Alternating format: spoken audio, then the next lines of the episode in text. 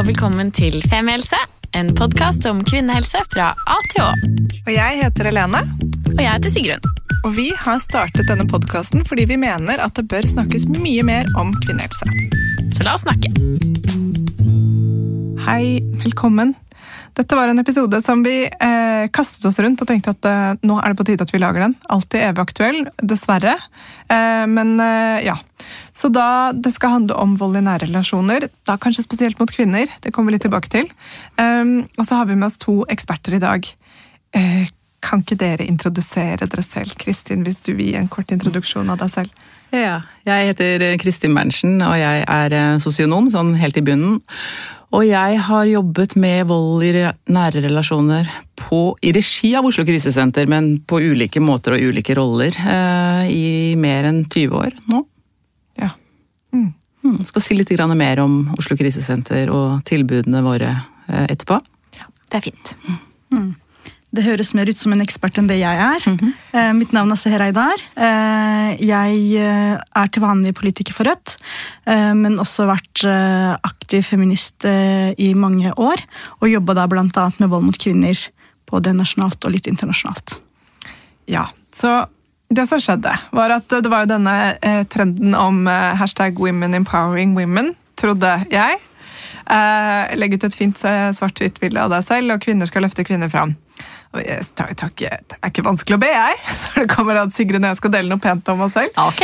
Ok, Men jeg hadde en skikkelig sånn derre eh, Jeg har blitt lurt av disse tingene før. Jeg har sett alle andre bli lurt av det før på, på Instagram og Facebook. At man legger ut noe, så skjønner du litt sånn etterpå sånn å ja, ok, Vi legger ut et gammelt og et ungt bilde av oss selv, sånn at liksom face recognition til Facebook bare skal bli 100 ganger bedre. Nå, nå, dette går liksom rett til russiske botter. Eh, men her er det et eller annet, følte jeg. Hvorfor skal vi legge ut disse svart-hvitt-bildene av oss selv? Det må være noe mer. Jeg skulle hørt på magefølelsen min, som man alltid skal. Eh, ikke så lenge etterpå så kom det jo fram at dette selvfølgelig handlet om veldig mye mer, og noe veldig viktig, og det handlet da om Peinar, som eh, var eh, blitt eh, drept av samboeren sin. Og dette var da på et tidspunkt hvor hun også var savnet I Tyrkia. i Tyrkia. Og hvor man delte dette svart-hvitt-bildet av henne for å prøve å finne henne. Stemmer det? Ja, Panar Gultikken ble drept av ekskjæresten sin. Ja. Eh, og hun var savnet ganske lenge, og da man begynte å dele svart-hvitt bilde av henne, så var det også i forlengelsen av at eh, i Tyrkia er det sånn at når kvinner blir drept, så kommer det notis f.eks. i avisa med svart bilde av henne, og at hun er blitt drept av sin eksmann eller nåværende mann, eller en annen mann som hun er i relasjon med. Sånn at de svart-hvitt-bildene stammer egentlig fra at vi er så lei av å se bilder av eh, kvinner, drepte kvinner i avisene som er i svart-hvitt. Eh, og det er sånn eh, det begynte å på en måte rulle. Men hun var savnet ganske lenge til hun ble funnet ganske på brutalt vis. da. Og da, eh, så hvordan er situasjonen da i Tyrkia nå? Situasjonen blir egentlig verre og verre for hver dag som går. Eh, I fjor var det 474 kvinner som ble drept av menn som de er eller har vært i relasjon med. Eh, og det er de tallene som er bekrefta.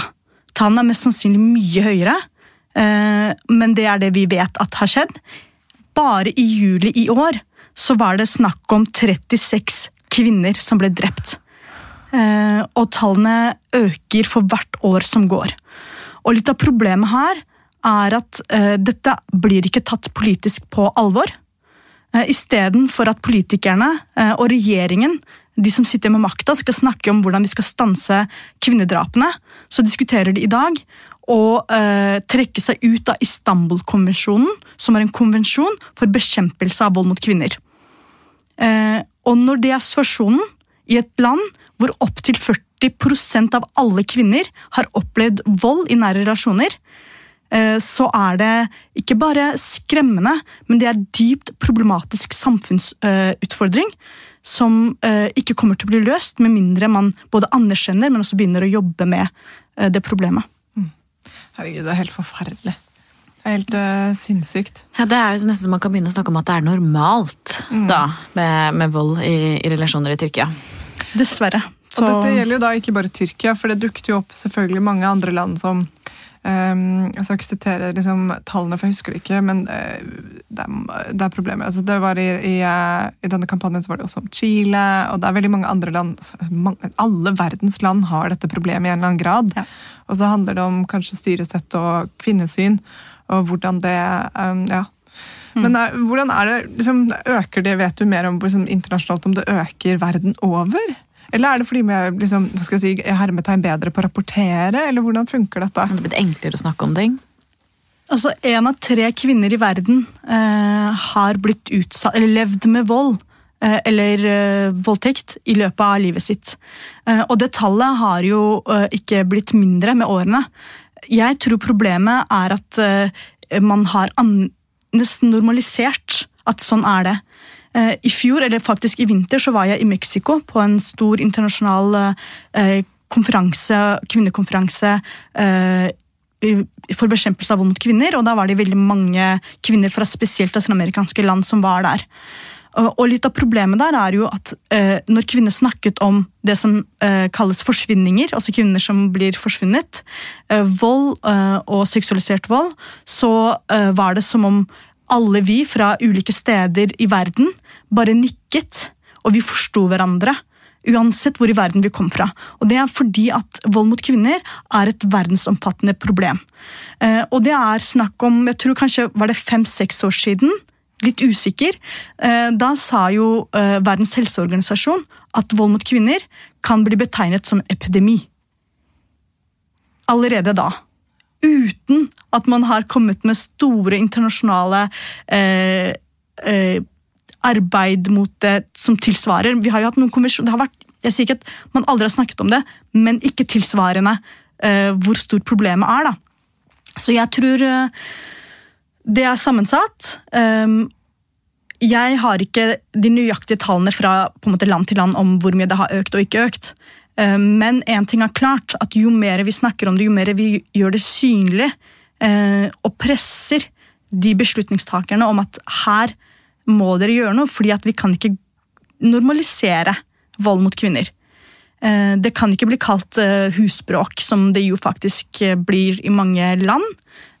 Også i loven, ikke bare i ordene. Så ja, hva skal man si? Mm. Det er helt forferdelig. Ja, virkelig. Men Kristin, hvordan er situasjonen her i Norge?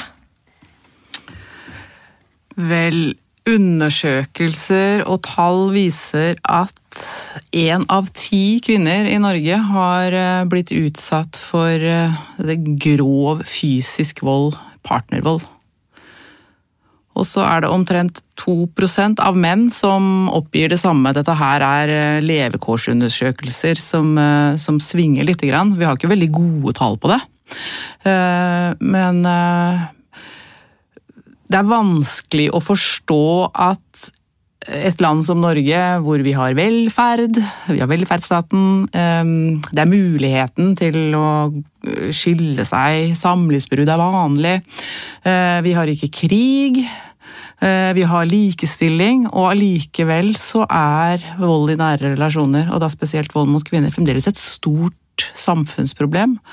Det som kanskje har endret seg de siste ti årene, um, ut ifra vårt ståsted, er at det nå snakkes om i Norge på en annen måte uh, enn det gjorde tidligere. For tidligere så var det Ehm, krisesenterbevegelsen, kvinnebevegelsen, feministene som, som, som, snakket om menns vold mot eh, kvinner. Eh, etter hvert så kom fagfolkene på plass, eh, det ble forsket mer på. Og, så, og politiet kom mer på banen. Det gikk fra husbråk og menns vold mot kvinner til å bli til det vi betegner som familievold. Eh, og nå vet vi jo at alle grupper i samfunnet på en måte blir utsatt for vold i nære relasjoner. Eh, det er, eh, det er lesbiske blir det, homofile blir det, funksjonshemmede blir det, eldre blir det.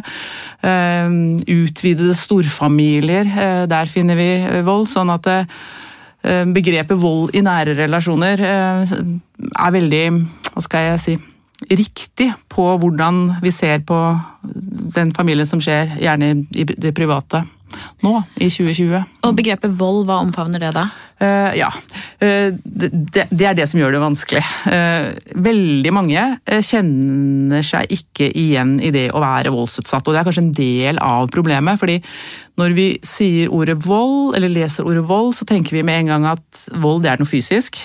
Og det er noe du blir utsatt for av gjerne noen du ikke kjenner. Du blir angrepet, voldtatt i parken, eller det skjer et innbrudd, eller du blir ranet. Vold i nære relasjoner det eksisterer eh, ikke eh, for veldig mange. Sånn at vi eh, på Oslo krisesenter møter mange. Over 2000 i året, tror jeg. Og de identifiserer seg ikke med begrepet vold, hvis vi ikke deler det opp og snakker om eller Forklarer det med, med, med psykisk vold, seksuell vold Selv de begrepene kjenner ikke folk seg helt igjen. Da. Folk har problemer, og du blir ikke utsatt for vold eller voldtekt av partneren din, av ektemannen din, av far til barna dine. Han lager problemer, han stresser deg kanskje, han, eh, han dummer deg ut, han gjør at uh, Han gjør veldig mye, men du er kanskje en del av problemet, er det veldig mange som, som uh, tenker at de gjør. Så selve, volds, selve voldsbegrepet kjenner ikke voldsutsatte seg igjen i. Så for oss som jobber med faget, så forsøker vi hele tiden å finne andre ord, andre begreper som, som er mer dekkende. Og så kan vi jo samle det eh, og, og bruke det mer som, som en forståelsesramme. Men Betyr det også at eh, for mange så er terskelen høy for å søke hjelp? Terskelen er veldig høy for å, for å, for å søke hjelp. Ja. Og noe av det har med det å identifisere seg som, som målsutsatt, det er vanskelig. Samtidig som vi snakker mye om skam. Uh, i forhold til vold i nære relasjoner. Uh, og så er det veldig mange som tenker uh, i Norge at det er type Ja, det er kvinner i Tyrkia som blir utsatt for, eh, for, eh, for vold. Det er type innvandrerkvinner som blir utsatt for vold. Det er undertrykte kvinner. Eh, nå er det gjerne den muslimske kvinnen som blir utsatt for vold av den muslimske undertrykkende mannen. Og de skammer seg så veldig, fordi dette her er veldig skamfullt. Vi vet at det ikke er sånn. Den relasjonsvolden den skjer overalt. I alle lag i samfunnet, i alle typer grupper det er ikke et kulturelt problem, selvfølgelig kan det være det også, kulturelle faktorer, men, men det er ikke det det handler eh, mest om. Vi vet at eh, den eh, kvinnen som er det er ikke lov å si det 100% etnisk norsk, sånn som meg, da, for eksempel, som, som lever kanskje på Frogner, godt uh, utdanna.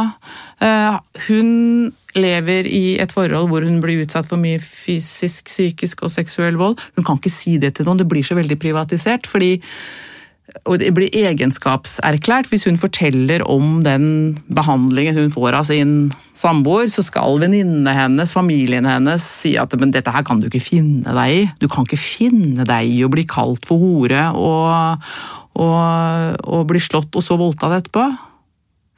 Eh, så Derfor kan hun jo ikke si det til noen, for da blir det jo hennes ansvar å gjøre noe, gjøre noe, med det. på en måte. Det blir veldig forenklet, da. Men skammen eh, for å være i et forhold hvor du blir utsatt for, eh, for veldig dårlig behandling, er veldig stor.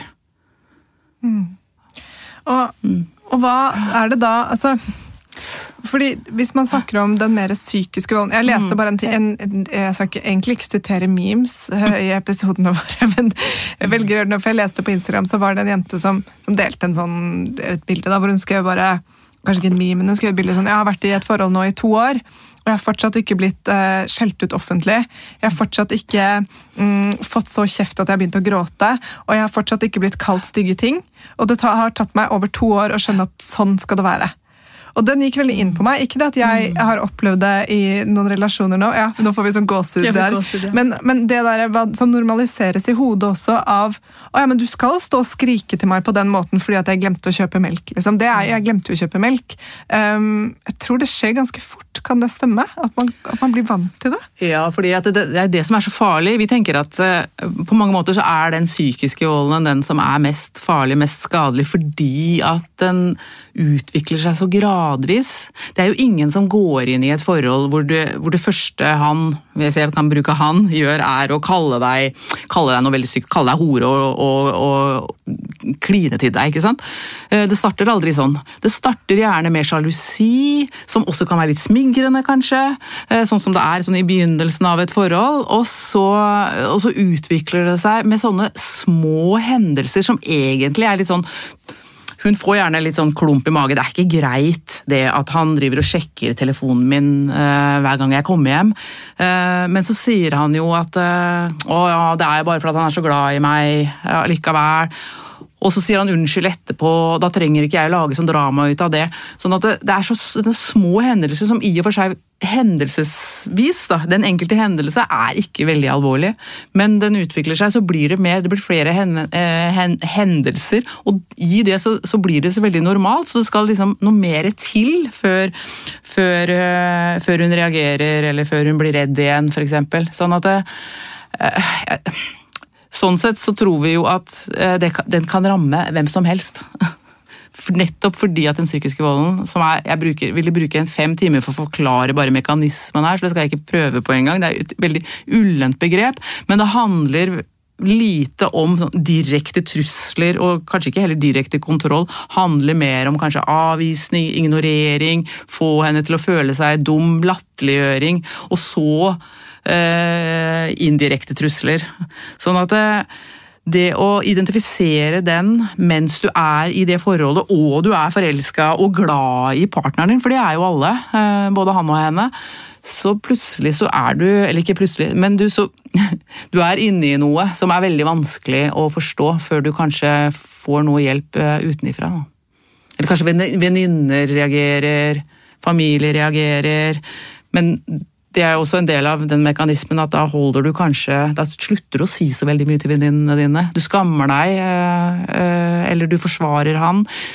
En ting som er veldig viktig å få med her, er jo nettopp at, at vold i nære relasjoner er vanskelig fordi at det er nær relasjon. Sånn at det, ok, det er vold, det er kanskje fysisk vold, psykisk vold eller andre former for vold, men det er også mye kjærlighet og håp og gode dager. Man deler barn, man deler leilighet. masse gode ting også, sånn at han er aldri han eller hun, voldsutøver, er aldri bare et monster. Mm. Men um, det er jo litt sånn som du sier at uh, mange bærer på mye skam, og vi snakker ikke så høyt om dette, her, og mange ville reagert. Og det er vel fordi Norge har vel en oppfatning om at det ikke er akseptabelt å utøve noen form for vold, egentlig, mm. uh, mot en partner. Men er det i andre kulturer større aksept for for jeg kjenner ikke alle verdens kulturer. Nei. Ærlig talt, her inviterer vi deg. Altså, kan du ikke Nei, jeg tror um... Eller kan du si noe om dette? Og det er kanskje eh, et dumt spørsmål fra meg. Jeg bare, ja, jeg lurer. Nei, altså, jeg tror ikke det er noen kulturer som sier at her kan vi slå hverandre uten begrensninger. Ikke som jeg kjenner til. Men det fins makthavere i ulike land som har valgt å ikke gjøre det ulovlig å, å, å faktisk utøve vold i Det er kanskje dette jeg sikter mer til. Ja. Ja. Så det er mer politisk jeg kan snakke om det. Kulturelt så tror jeg vi også egentlig kanskje gjør den feilen som uh, egentlig har blitt snakket om tidligere her, uh, der vi karakteriserer hva en voldsutøver og hva en uh, voldsutsatt skal være, og hvem de skal være. Og når vi karakteriserer det så mye, så tror jeg at mange føler at de ikke passer inn i der. Og når mange føler at de ikke passer inn der, så vi, blir problemet bare større og større. Jeg syns Bent Høie, når han snakket om at det var viktig å ikke skape stigma rundt korona, fordi da kan vi ikke bekjempe det, så tenker jeg sånn er det ikke litt det vi kan snakke om også å overføre til dette spørsmålet? Er det egentlig noen andres kultur, eller er det noen andres måte å se det på? Eller er det noe som vi alle har og opplever? Og vi må anerkjenne at det er helt vanlige kvinner, helt vanlige menn, helt vanlige mennesker av alle kjønn som er både utsatt og offer. Flertallet av de som begår voldsvold, er menn, og de fleste som blir utsatt for det, er kvinner i nære relasjoner. Ja, men de er vanlige mennesker. Og jeg tror vi trenger å forstå det. Og de har veldig mange ulike bakgrunn og veldig mange kulturelle og religiøse forståelser. Så, så nei, jeg tenker at Jeg tror ikke jeg kan svare på spørsmålet ditt. Nei. Nei, men eh, du, Vi snakket jo egentlig litt om det i stad. Nettopp dette med at uh, tyrkiske politiske ledere nå tar, i hvert fall diskuterer da man skal trekke seg ut av Istanbul-konvensjonen. Det tenker jeg jo er en, en, annen måte å se på denne problematikken på. enn i hvert fall sånn vi diskuterer det nå. Ja, og I Russland, hvor de, hvor de tok bort loven mot Eller de endret det til familiebråk, og at det var, liksom, det var greit. Det er, mange, det er dessverre en del land som går bakover nå, som er helt forferdelig. Um, men ja, vi skal ikke ta hele den diskusjonen nå. Det er jo litt absurd at Tyrkia eh, ratifiserte Istanbul-konvensjonen mange mange år før Norge. Uh, fordi Norge var faktisk et av de tregeste landene, langt bak alle de andre landene i Norden, i Norden til å eh, gå inn for dette her. Si kort hva konvensjonen er. Konvensjonen handler om bekjempelse av vold mot kvinner, og den har jo flere paragrafer og er egentlig ganske omfattende. Og for øh, mennesker som jobber mot vold mot kvinner, eller vold i nære relasjoner generelt, så var det et stort håp at hvis man kunne samles rundt og faktisk i virkeligheten gjennomføre det som står der, så kunne man komme lengre. Problemet er at mange ikke gjennomfører det, det er en annen sak, men, eh, men der man faktisk eh, også anerkjente eh, ulikestillingen som ligger i bunn, for vold, som veldig mange sånne eh, konvensjoner tidligere ikke hadde gjort. Samtidig som at man både tok tak i forebygging, men også straffedelen. Det var, det var ganske omfattende. Jeg kan ikke alle paragrafene utenat, uh, åpenbart. Men så, det er jo Konvensjonen i seg selv, at det står på papiret, løser ingenting, men at man faktisk kan gjøre noe med det i praksis, gjør jo det. Så det er jo synd at noen land trekker seg, og at Norge nå har kommet etter, er jo en bra ting. Men ja. Mm. Ok, eh, litt tilbake igjen til her hjemme. Hvis eh, man sitter og hører på nå, og så kjenner man seg igjen selv, eller tenker på noen. Kristin, hva, hva kan man gjøre da? Eh, lovverket og tilbudet i Norge er ganske bra. Det vil jeg si. Eh, nå har vi en krisesenterlov eh, som regulerer eh, det slik at alle kommuner skal ha et krisesentertilbud. Og Oslo krisesenter, vi utfører krisesentertilbudet til Oslo kommune.